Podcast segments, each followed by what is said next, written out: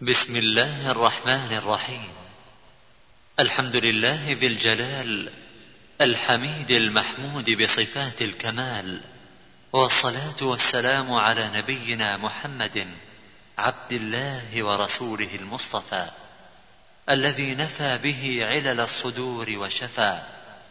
ثم أما بعد فيسعد إخوانكم في شركة شور للإنتاج والتوزيع بالقاهرة أن يقدموا لكم. كشف الشبهات. تأليف العلامة محمد بن سليمان التميمي. بسم الله الرحمن الرحيم.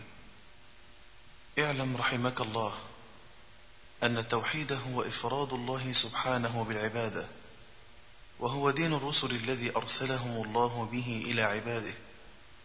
فأولهم نوح عليه السلام أرسله الله إلى قومه لما غلوا في الصالحين ودا وسواعا ويغوث ويعوق ونسرا.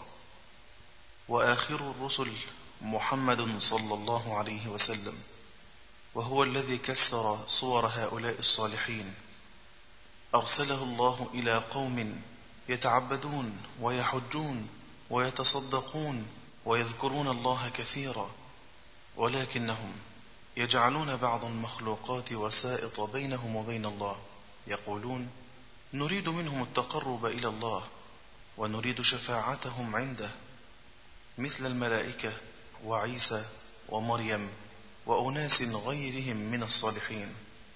فبعث الله إليهم محمدا صلى الله عليه وسلم يجدد لهم دين أبيهم إبراهيم عليه السلام ويخبرهم أن هذا التقرب والاعتقاد محض حق الله. لا يصلح منه شيء لا لملك مقرب ولا لنبي مرسل فضلا عن غيرهما.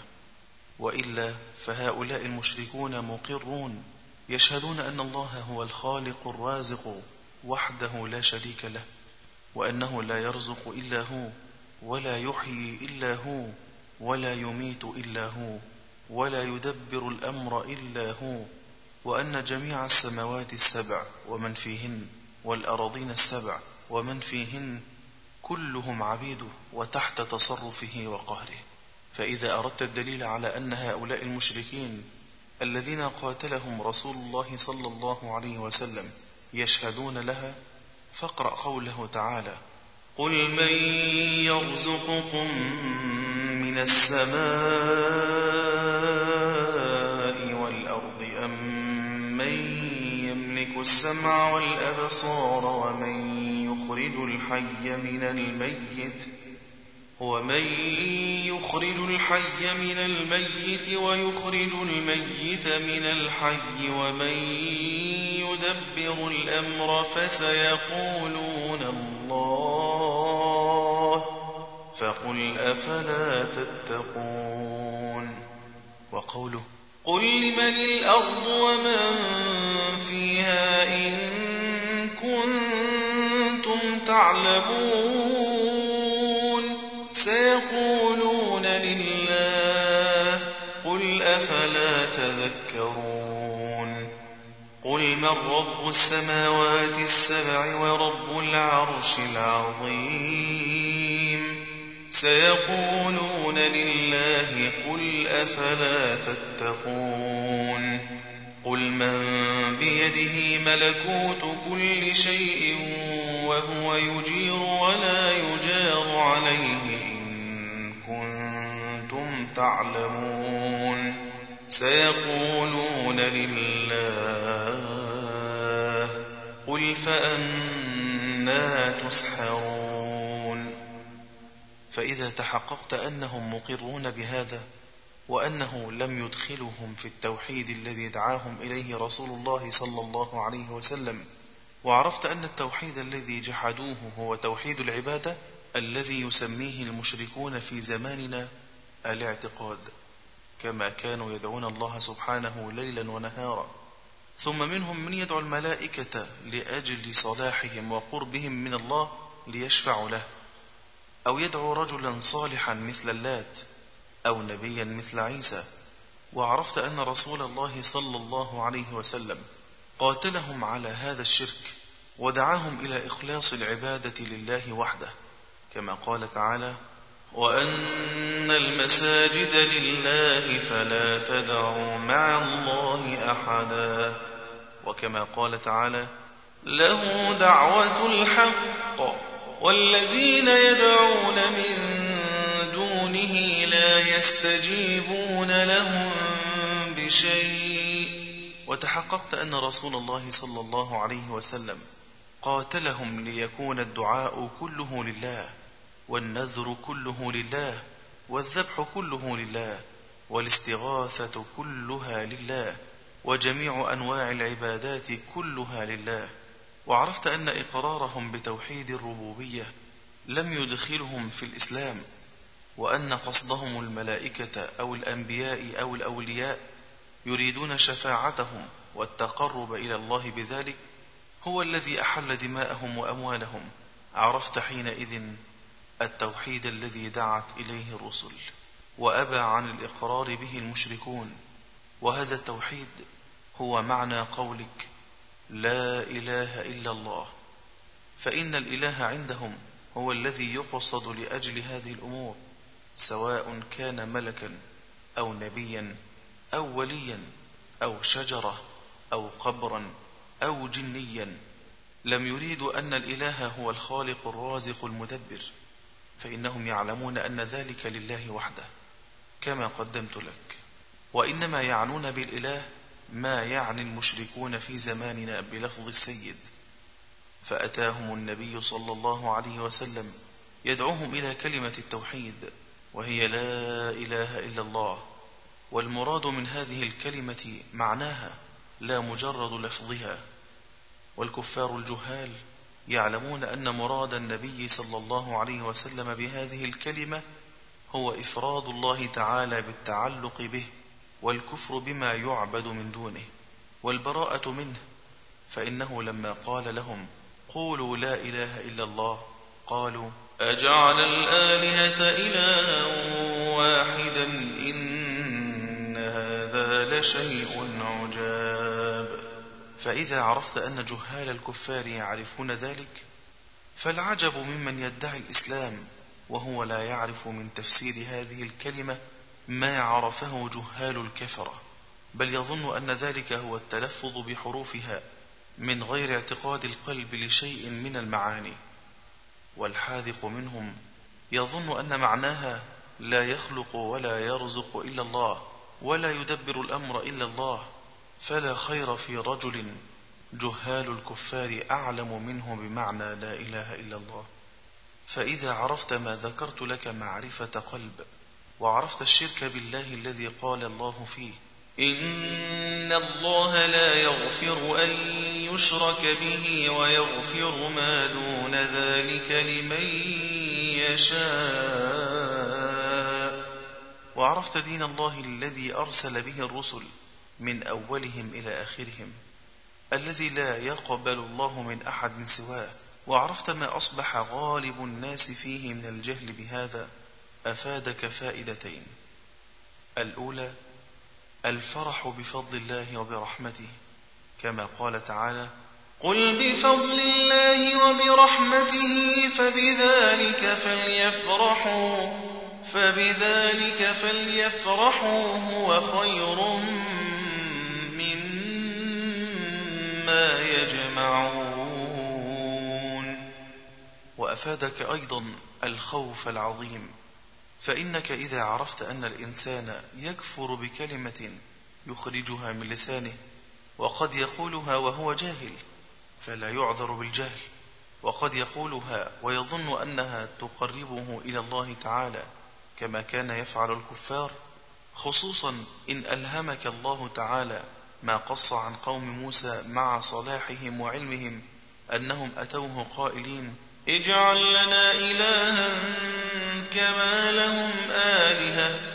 فحينئذ يعظم حرصك وخوفك على ما يخلصك من هذا وأمثاله. واعلم أنه سبحانه من حكمته لم يبعث نبيا بهذا التوحيد إلا جعل له أعداء كما قال تعالى وكذلك جعلنا لكل نبي عدوا شياطين الإنس والجن بعضهم إلى بعض زخرف القول غرورا. وقد يكون لأعداء التوحيد علوم كثيرة وكتب وحجج كما قال تعالى فلما جاءتهم رسلهم بالبينات فرحوا بما عندهم من العلم.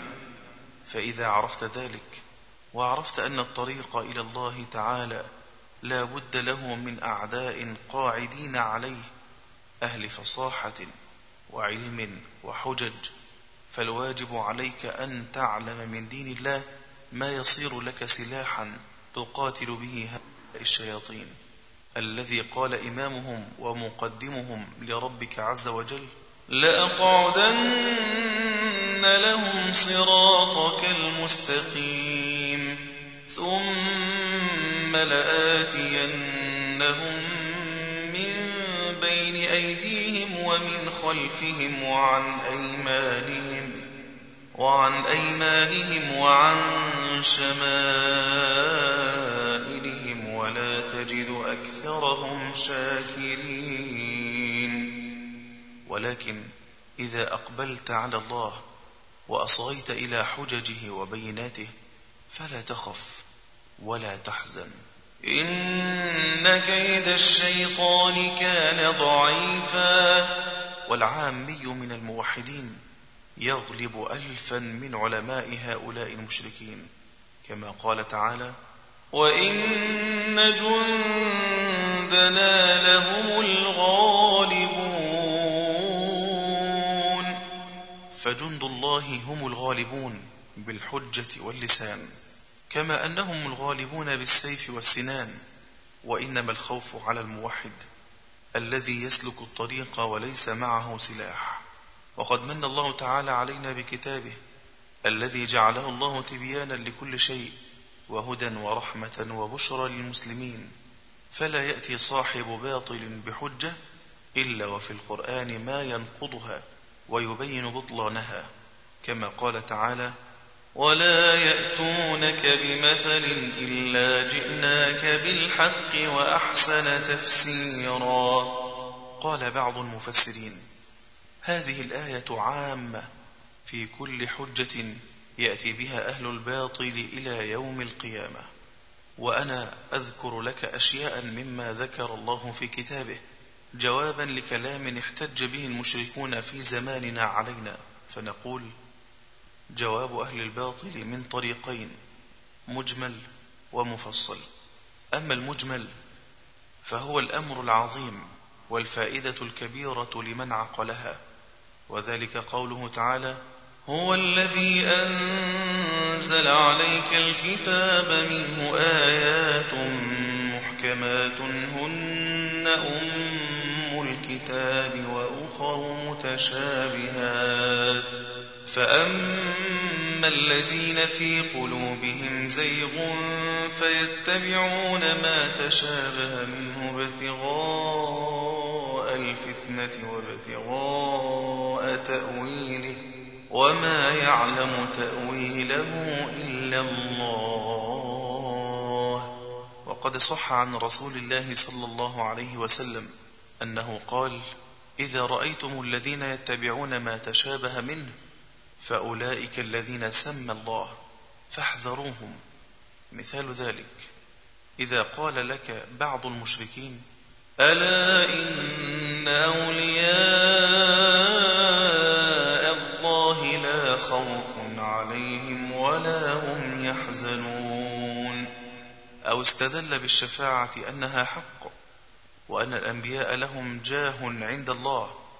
أو ذكر كلاما للنبي صلى الله عليه وسلم يستدل به على شيء من باطله وأنت لا تفهم معنى الكلام الذي ذكره فجاوبه بقولك إن الله ذكر أن الذين في قلوبهم زيغ يتركون المحكم ويتبعون المتشابه.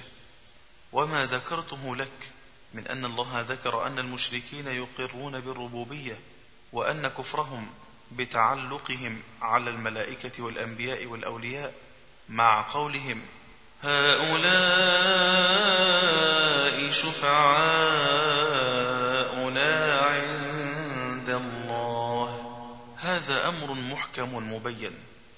هذا أمر محكم بين. لا يقدر أحد أن يغير معناه.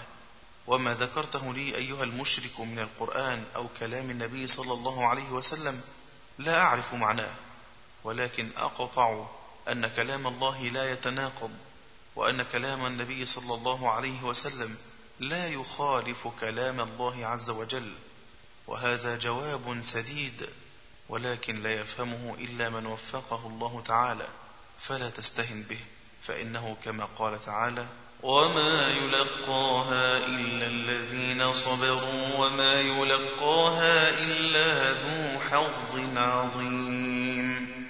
وأما الجواب المفصل فإن أعداء الله لهم اعتراضات كثيرة على دين الرسل يصدون بها الناس عنه. منها قولهم نحن لا نشرك بالله بل نشهد أنه لا يخلق ولا يرزق ولا ينفع ولا يضر إلا الله وحده.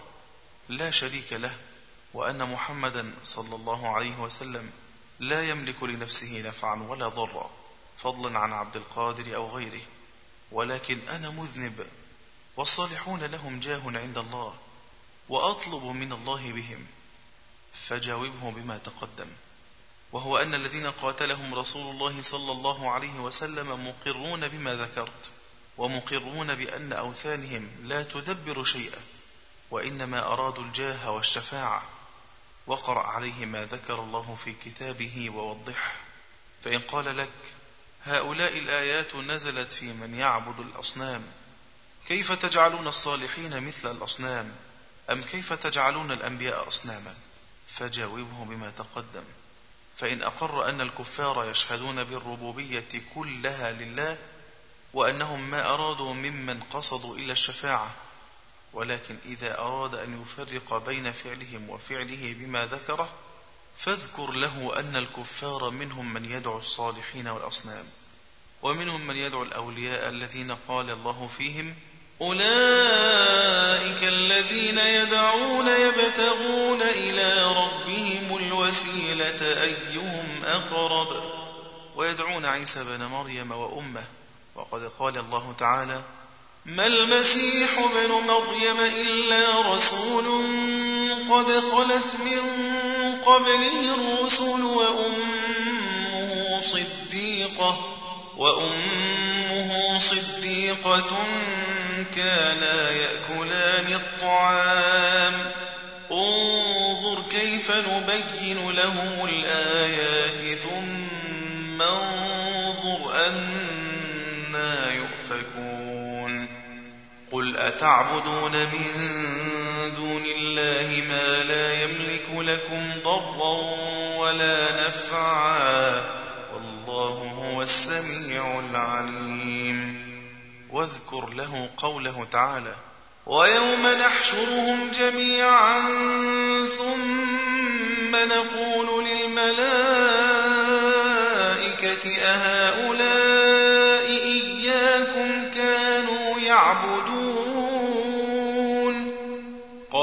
سبحانك أنت ولينا من دونهم بل كانوا يعبدون الجن أكثرهم بهم مؤمنون. وقوله تعالى وإذ قال الله يا عيسى بن مريم أأنت قلت للناس اتخذوني وأمي إلهين من دون الله. قال سبحانك ما يكون لي أن أقول ما ليس لي بحق. إن كنت قلته فقد علمته.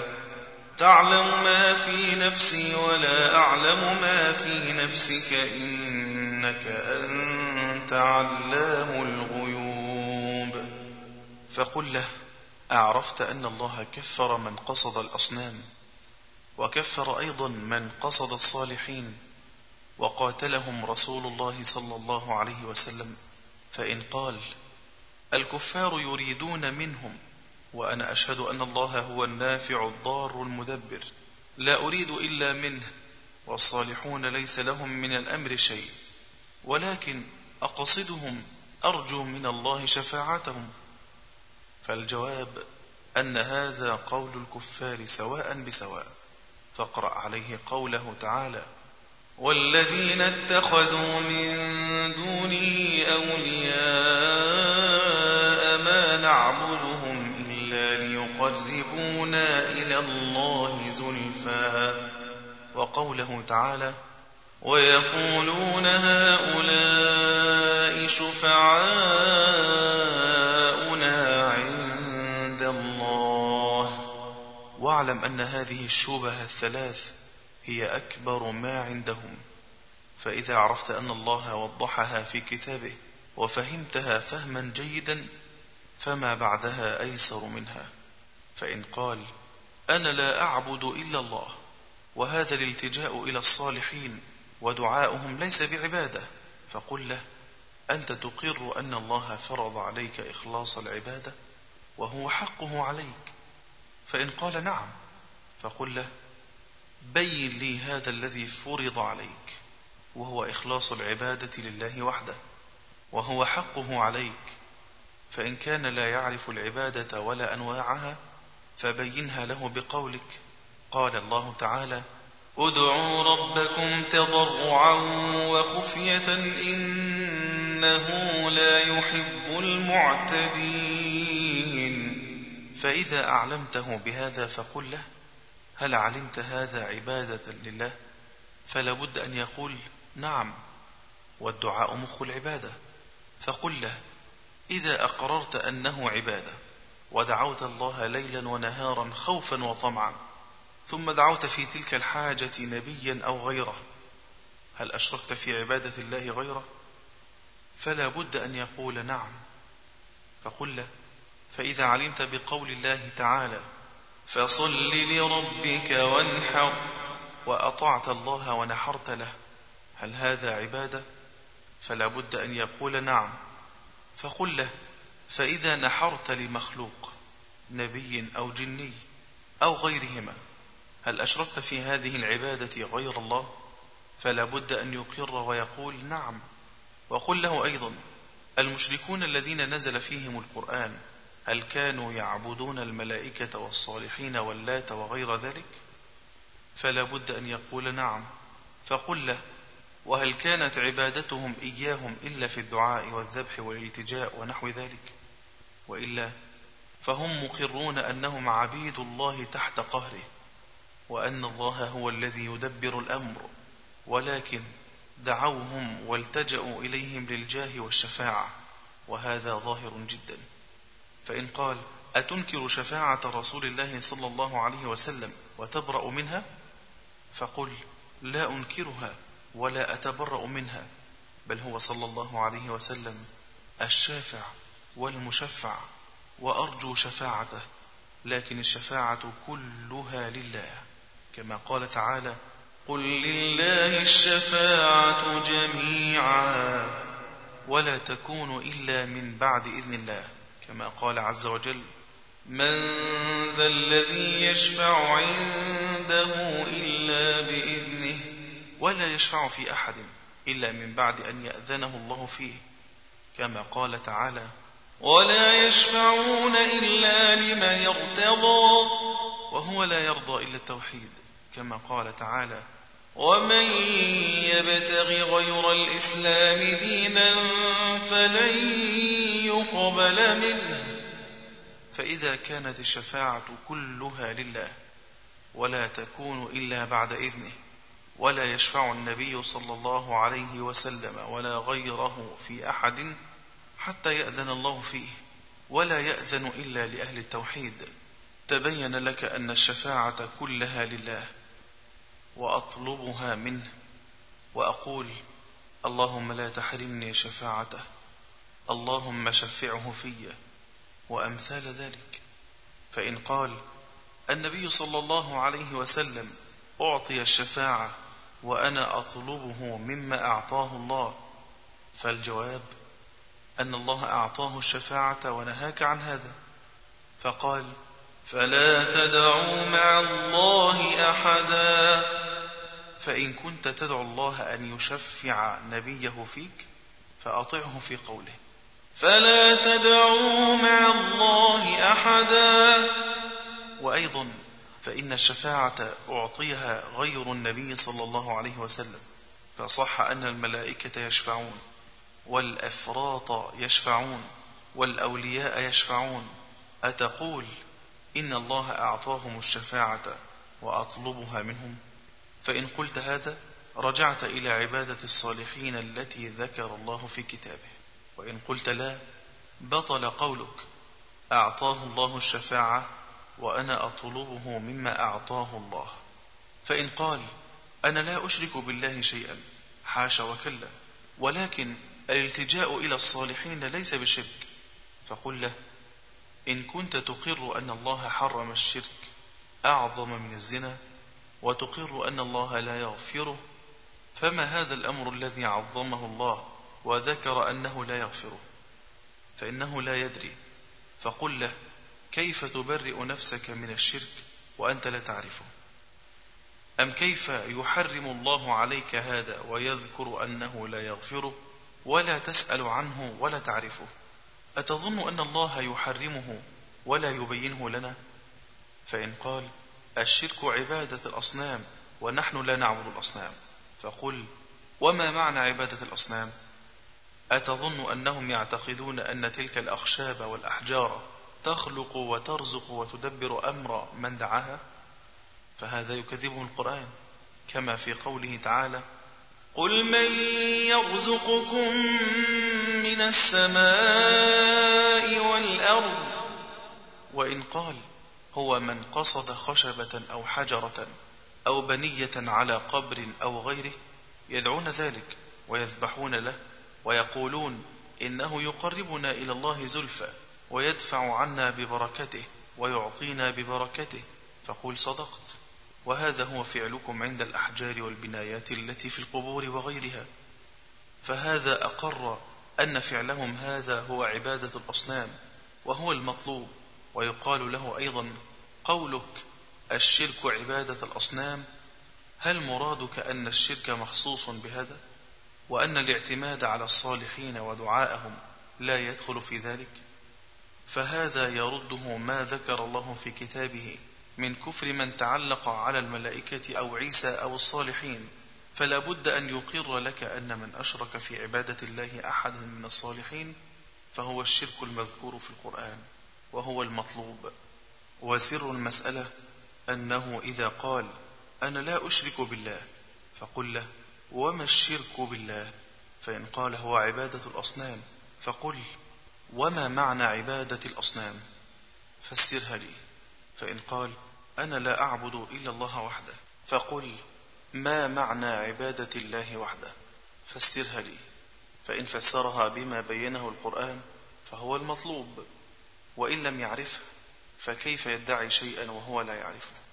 وإن فسر ذلك بغير معناه بينت له الآيات الواضحات في معنى الشرك بالله وعبادة الأوثان وأنه الذي يفعلونه في هذا الزمان بعينه وأن عبادة الله وحده لا شريك له هي التي ينكرونها علينا ويصيحون فيه كما صاح إخوانهم حيث قالوا أجعل الآلهة إلها واحدا إن هذا لشيء عجاب. فإن قال إنهم لا يكفرون بدعاء الملائكة والأنبياء وإنما يكفرون لما قالوا الملائكة بنات الله فإنا لم نقل عبد القادر ابن الله ولا غيره. فالجواب إن نسبة الولد إلى الله كفر مستقل. قد قال تعالى قل هو الله أحد الله الصمد والأحد الذي لا نظير له والصمد المقصود في الحوائج. فمن جحد هذا فقد كفر ولو لم يجحد السورة وقال تعالى ما اتخذ الله من ولد وما كان معه من إله. ففرق بين النوعين وجعل كلا منهما كفرا مستقلا. وقال تعالى وجعلوا لله شركاء الجن وخلقهم وخرقوا له بنين وبنات بغير علم ففرق بين كفرين والدليل على هذا أيضا أن الذين كفروا بدعاء اللات مع كونه رجلا صالحا لم يجعلوه ابن الله والذين كفروا بعبادة الجن لم يجعلوهم كذلك وكذلك أيضا العلماء في جميع المذاهب الأربعة يذكرون في باب حكم المرتد أن المسلم إذا زعم أن لله ولدا فهو مرتد ويفرقون بين نوعين وهذا في غاية الوضوح. وإن قال ألا إن أولياء الله لا خوف عليهم ولا هم يحزنون؟ فقل هذا هو الحق. ولكن لا يعبدون. ونحن لم نذكر إلا عبادتهم مع الله وشركهم معه وإلا فالواجب عليك حبهم واتباعهم والإقرار بكرامتهم. ولا يجحد كرامات الأولياء إلا أهل البدع والضلال. ودين الله وسط بين طرفين وهدى بين ضلالتين وحق بين باطلين. فإذا عرفت أن هذا الذي يسميه المشركون في زماننا الاعتقاد هو الشرك الذي أنزل في القرآن وقاتل رسول الله صلى الله عليه وسلم الناس عليه فاعلم أن شرك الأولين أخف من شرك أهل زماننا بأمرين. أحدهما أن الأولين لا يشركون ولا يدعون الملائكة والأولياء أوثانا مع الله إلا في الرخاء. وأما في الشدة فيخلصون لله الدين. كما قال تعالى وإذا مسكم الضر في البحر ضل من تدعون إلا إياه فلما نجاكم إلى البر أعرضتم وكان الإنسان كفورا. وقوله قل أرأيتم إن أتاكم عذاب الله أو أتتكم الساعة أغير الله تدعون إن كنتم صادقين بل إياه تدعون فيكشف ما تدعون إليه إن شاء وتنسون ما تشركون وقوله وإذا مس الإنسان ضر دعا ربه منيبا إليه ثم إذا خوله نعمة منه نسي ما كان يدعو إليه من قبل وجعل لله أندادا وجعل لله أندادا ليضل عن سبيله قل تمتع بكفرك قليلا إنك من أصحاب النار وقوله وإذا غشيهم موج كالظلل دعوا الله مخلصين له الدين فمن فهم هذه المسألة التي وضحها الله في كتابه وهي أن المشركين الذين قاتلهم رسول الله صلى الله عليه وسلم يدعون الله تعالى ويدعون غيره في الرخاء وأما في الضر والشدة فلا يدعون إلا الله وحده لا شريك له وينسون سادتهم تبين له الفرق بين شرك أهل زماننا وشرك الأولين. ولكن أين من يفهم قلبه هذه المسألة فهما راسخا؟ والله المستعان. والأمر الثاني أن الأولين يدعون مع الله أناسا مقربين عند الله إما أنبياء وإما أولياء وإما ملائكة ويدعون أشجارا أو أحجارا مطيعة لله ليست عاصية. وأهل زماننا يدعون مع الله أناسا من أفسق الناس والذين يدعونهم هم الذين يحلون لهم الفجور من الزنا والسرقة وترك الصلاة وغير ذلك. والذي يعتقد في الصالح أو الذي لا يعصي مثل الخشب والحجر أهون ممن يعتقد في من يشاهد فسقه وفساده ويشهد به. وإن تحققت أن الذين قاتلهم رسول الله صلى الله عليه وسلم أصح عقولا وأخف شركا من هؤلاء فاعلم أن لهؤلاء شبهة يوردونها على ما ذكرنا وهي من أعظم شبههم. فأصغ بسمعك لجوابها. وهي أنهم يقولون إن الذين نزل فيهم القرآن لا يشهدون أن لا إله إلا الله ويكذبون الرسول صلى الله عليه وسلم وينكرون البعث ويكذبون القرآن ويجعلونه سحرا.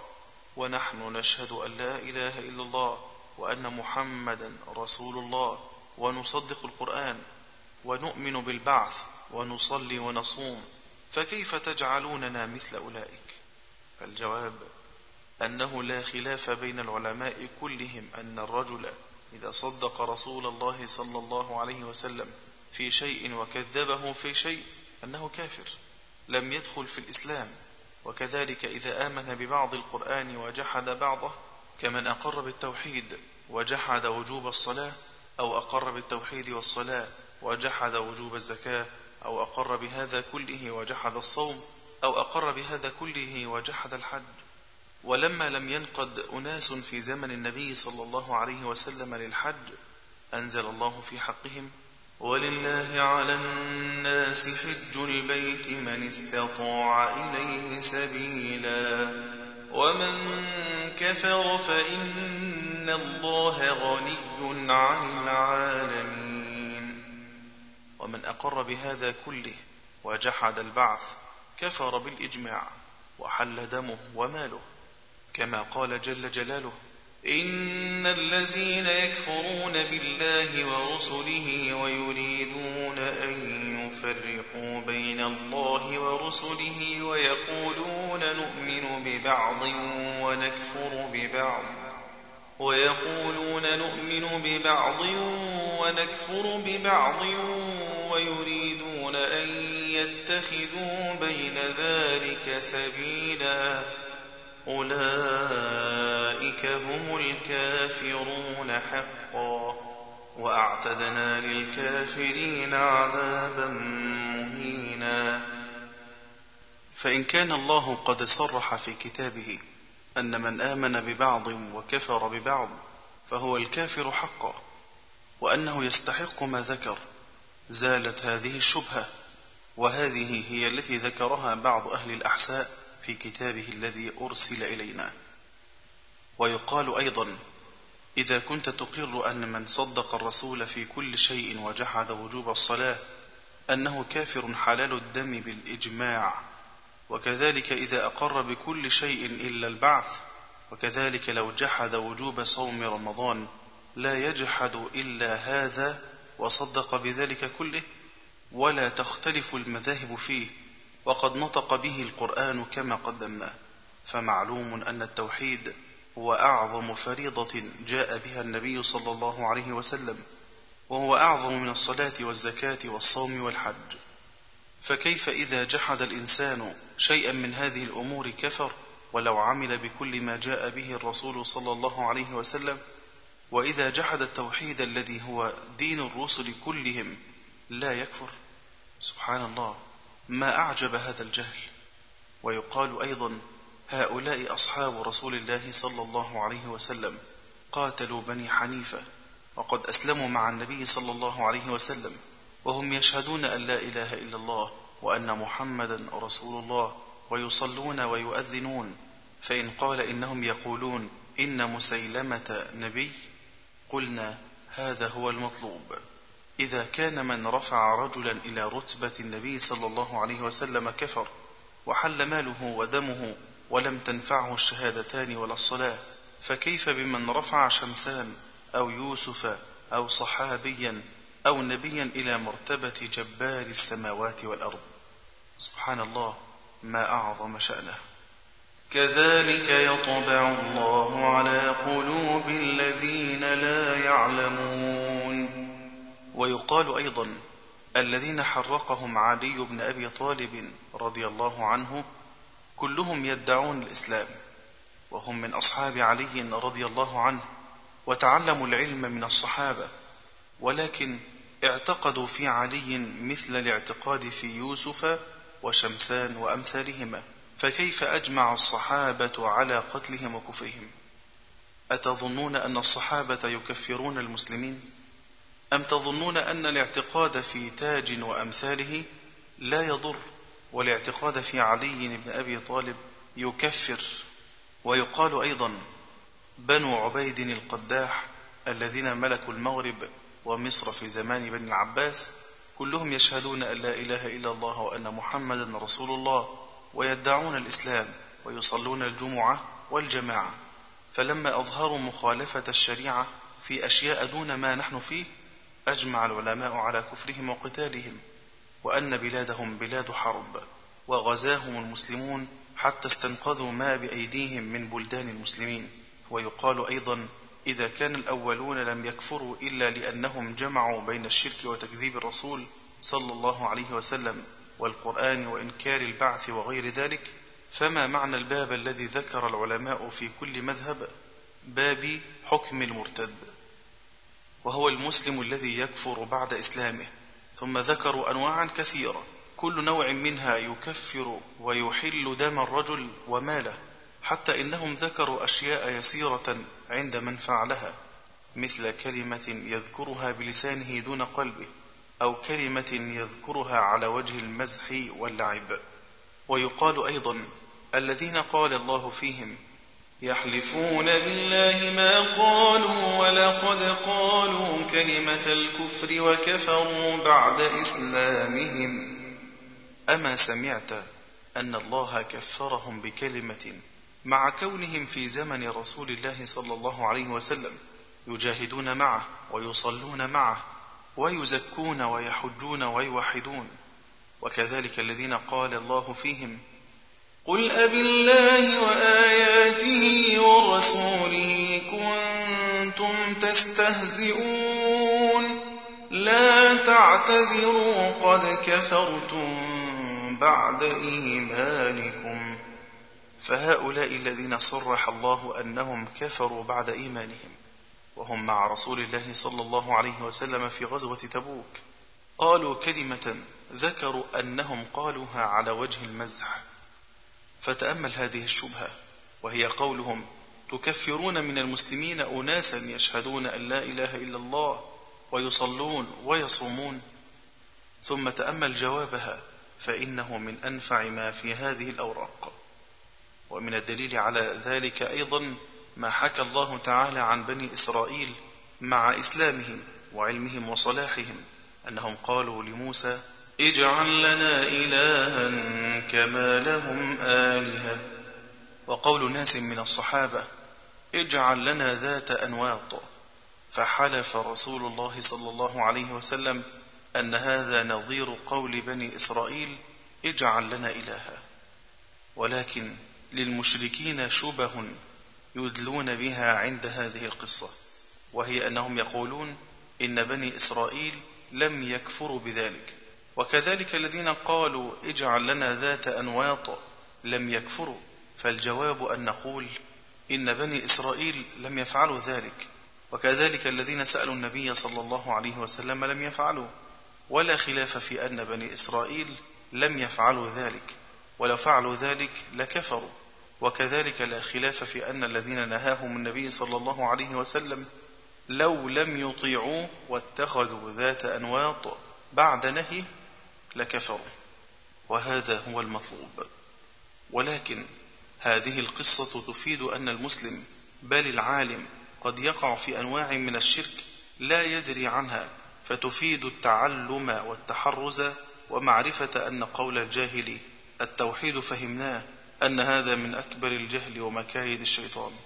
وتفيد أيضا أن المسلم إذا تكلم بكلام كفر وهو لا يدري فنبه على ذلك فتاب من ساعته فإنه لا يكفر كما فعل بنو إسرائيل والذين سألوا النبي صلى الله عليه وسلم. وتفيد أيضا أنه لو لم يكفر فإنه يغلظ عليه الكلام تغليظا شديدا كما فعل رسول الله صلى الله عليه وسلم. وللمشركين شبه أخرى يقولون إن النبي صلى الله عليه وسلم أنكر على أسامة قتل من قال لا إله إلا الله وقال له أتقتله بعدما قال لا إله إلا الله؟ وكذلك قوله أمرت أن أقاتل الناس حتى يقولوا لا إله إلا الله. وأحاديث أخرى في الكف عمن قالها ومراد هؤلاء الجهلة أن من قالها لا يكفر ولا يقتل ولو فعل ما فعل. فيقال لهؤلاء الجهلة معلوم أن رسول الله صلى الله عليه وسلم قاتل اليهود وسباهم وهم يقولون لا إله إلا الله وأن أصحاب رسول الله صلى الله عليه وسلم قاتلوا بني حنيفة وهم يشهدون أن لا إله إلا الله وأن محمدا رسول الله ويصلون ويدعون الإسلام وكذلك الذين حرقهم علي بن أبي طالب بالنار. وهؤلاء الجهلة يقولون إن من أنكر البعث كفر وقتل ولو قال لا إله إلا الله وإن من جحد شيئا من أركان الإسلام كفر وقتل ولو قالها. فكيف لا تنفعه إذا جحد فرعا من الفروع؟ وتنفعه إذا جحد التوحيد الذي هو أساس دين الرسل ورأسه. ولكن أعداء الله ما فهموا معنى الأحاديث ولن يفهموا.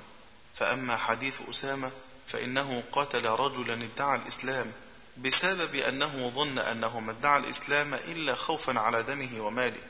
والرجل إذا أظهر الإسلام وجب الكف عنه حتى يتبين ما يخالف ذلك. وأنزل الله تعالى في ذلك يا أيها الذين آمنوا إذا ضربتم في سبيل الله فتبينوا. أي فتثبتوا. فالآية تدل على أنه يجب الكف عنه والتثبت. فإذا تبين منه بعد ذلك ما يخالف الإسلام قتل لقوله تعالى فتبينوا ولو كان لا يقتل إذا قالها لم يكن للتثبت معنى. وكذلك الحديث الآخر وأمثاله. معنى ما ذكرناه أن من أظهر التوحيد والإسلام وجب الكف عنه إلا إن تبين منه ما يناقض ذلك. والدليل على هذا أن رسول الله صلى الله عليه وسلم الذي قال أقتلته بعدما قال لا إله إلا الله؟ وقال أمرت أن أقاتل الناس حتى يقولوا لا إله إلا الله. هو الذي قال في الخوارج أينما لقيتموهم فاقتلوهم لئن أدركتهم لأقتلنهم قتل عاد. مع كونهم من أكثر الناس عبادة وتهليلا وتسبيحا. حتى إن الصحابة يحقرون صلاتهم عندهم وهم تعلموا العلم من الصحابة فلم تنفعهم لا إله إلا الله ولا كثرة العبادة ولا ادعاء الإسلام لما ظهر منهم مخالفة الشريعة. وكذلك ما ذكرناه من قتال اليهود وقتال الصحابة بني حنيفة. وكذلك أراد صلى الله عليه وسلم أن يغزو بني المصطلق لما أخبره رجل منهم أنهم منعوا الزكاة. حتى أنزل الله.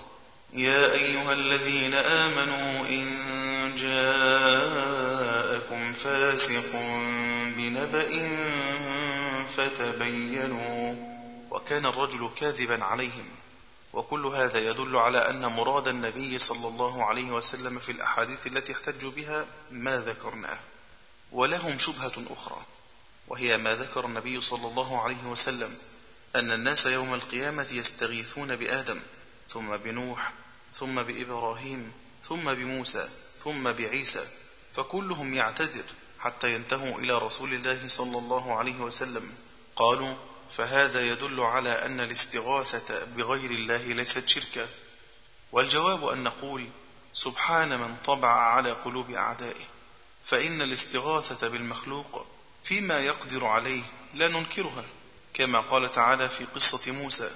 فاستغاثه الذي من شيعته على الذي من عدوه. وكما يستغيث الإنسان بأصحابه في الحرب أو غيره في أشياء يقدر عليها المخلوق. ونحن أنكرنا استغاثة العبادة التي يفعلونها عند قبور الأولياء أو في غيبتهم في الأشياء التي لا يقدر عليها إلا الله. إذا ثبت ذلك فاستغاثتهم بالأنبياء يوم القيامة يريدون منهم أن يدعوا الله أن يحاسب الناس حتى يستريح أهل الجنة من كرب الموقف. وهذا جائز في الدنيا والآخرة وذلك أن تأتي عند رجل صالح حتى يجالسك ويسمع كلامك وتقول له ادع الله لي كما كان أصحاب رسول الله صلى الله عليه وسلم يسألونه ذلك في حياته. وأما بعد موته فحاش وكلا أنهم سألوا ذلك عند قبره بل أنكر السلف على من قصد دعاء الله عند قبره فكيف بدعائه نفسه صلى الله عليه وسلم؟ ولهم شبهة أخرى وهي قصة إبراهيم لما ألقي في النار اعترض له جبريل في الهواء فقال له ألك حاجة؟ فقال إبراهيم أما إليك فلا. فقالوا لو كانت الاستغاثة شركا لم يعرضها على إبراهيم. فالجواب أن هذا من جنس الشبهة الأولى. فإن جبريل عرض عليه أن ينفعه بأمر يقدر عليه. فإنه كما قال الله فيه شديد القوى فلو أذن له أن يأخذ نار إبراهيم وما حولها من الأرض والجبال ويلقيها في المشرق أو المغرب لفعل. ولو أمره أن يضع إبراهيم عليه السلام في مكان بعيد عنهم لفعل ولو أمره أن يرفعه إلى السماء لفعل. وهذا كرجل غني له مال كثير يرى رجلا محتاجا فيعرض عليه أن يقرضه أو يهبه شيئا يقضي به حاجته فيأبى ذلك المحتاج أن يأخذ ويصبر على أن يأتيه الله برزق لا منة فيه لأحد. فإن هذا من استغاثة العبادة والشرك. لو كانوا يفقهون. ولنختم الكلام إن شاء الله بمسألة عظيمة مهمة جدا تفهم مما تقدم ولكن نفرد لها الكلام لعظم شأنها ولكثرة الغلط فيها.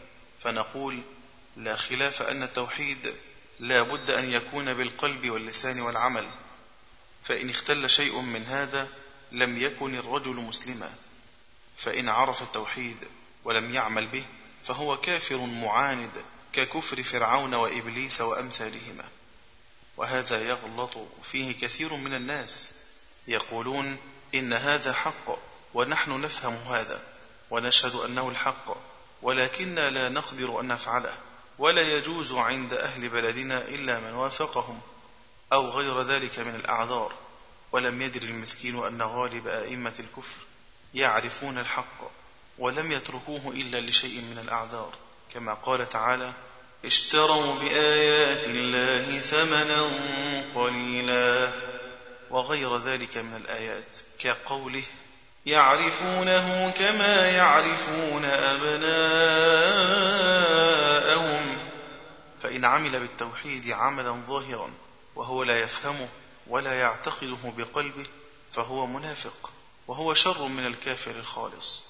إن المنافقين في الدرك الأسفل من النار. وهذه المسألة مسألة كبيرة طويلة تتبين لك إذا تأملتها في ألسنة الناس. ترى من يعرف الحق ويترك العمل به لخوف نقص دنيا أو جاه أو مداراة لأحد. وترى من يعمل به ظاهرا لا باطنا. فإن سألته عما يعتقده بقلبه فإذا هو لا يعرفه. ولكن عليك بفهم آيتين من كتاب الله أولاهما قوله تعالى لا تعتذروا قد كفرتم بعد إيمانكم.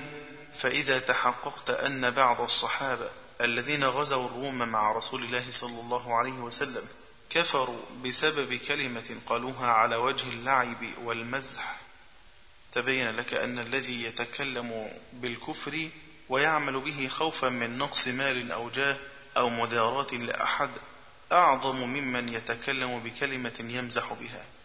والآية الثانية قوله تعالى من كفر بالله من بعد إيمانه إلا من أكره وقلبه مطمئن بالإيمان ولكن من شرح بالكفر صدرا. ولكن من شرح بالكفر صدرا فعليهم غضب من الله ولهم عذاب عظيم. ذلك بأن بأنه مستحب الحياة الدنيا على الآخرة. فلم يعذر الله من هؤلاء إلا من أكره مع كون قلبه مطمئنا بالإيمان. وأما غير هذا فقد كفر بعد إيمانه سواء فعله خوفا أو مداراة أو مشحة بوطنه أو أهله أو عشيرته أو ماله أو فعله على وجه المزح أو لغير ذلك من الأغراض إلا المكره. فالآية تدل على هذا من وجهين. الأول قوله إلا من أكره فلم يستثن الله تعالى إلا المكره. ومعلوم أن الإنسان لا يكره إلا على الكلام أو الفعل وأما عقيدة القلب فلا يكره أحد عليها. والثاني قوله تعالى ذلك بأنه مستحب الحياة الدنيا على الآخرة. فصرح أن هذا الكفر والعذاب لم يكن بسبب الاعتقاد والجهل والبغض للدين ومحبة الكفر وإنما سببه أن له في ذلك حظ من حظوظ الدنيا فآثره على الدين. والله سبحانه وتعالى أعلم وأعز وأكرم. والحمد لله رب العالمين. وصلى الله على نبينا محمد وعلى آله وصحبه أجمعين. تم كتاب كشف الشبهات. والحمد لله وحده.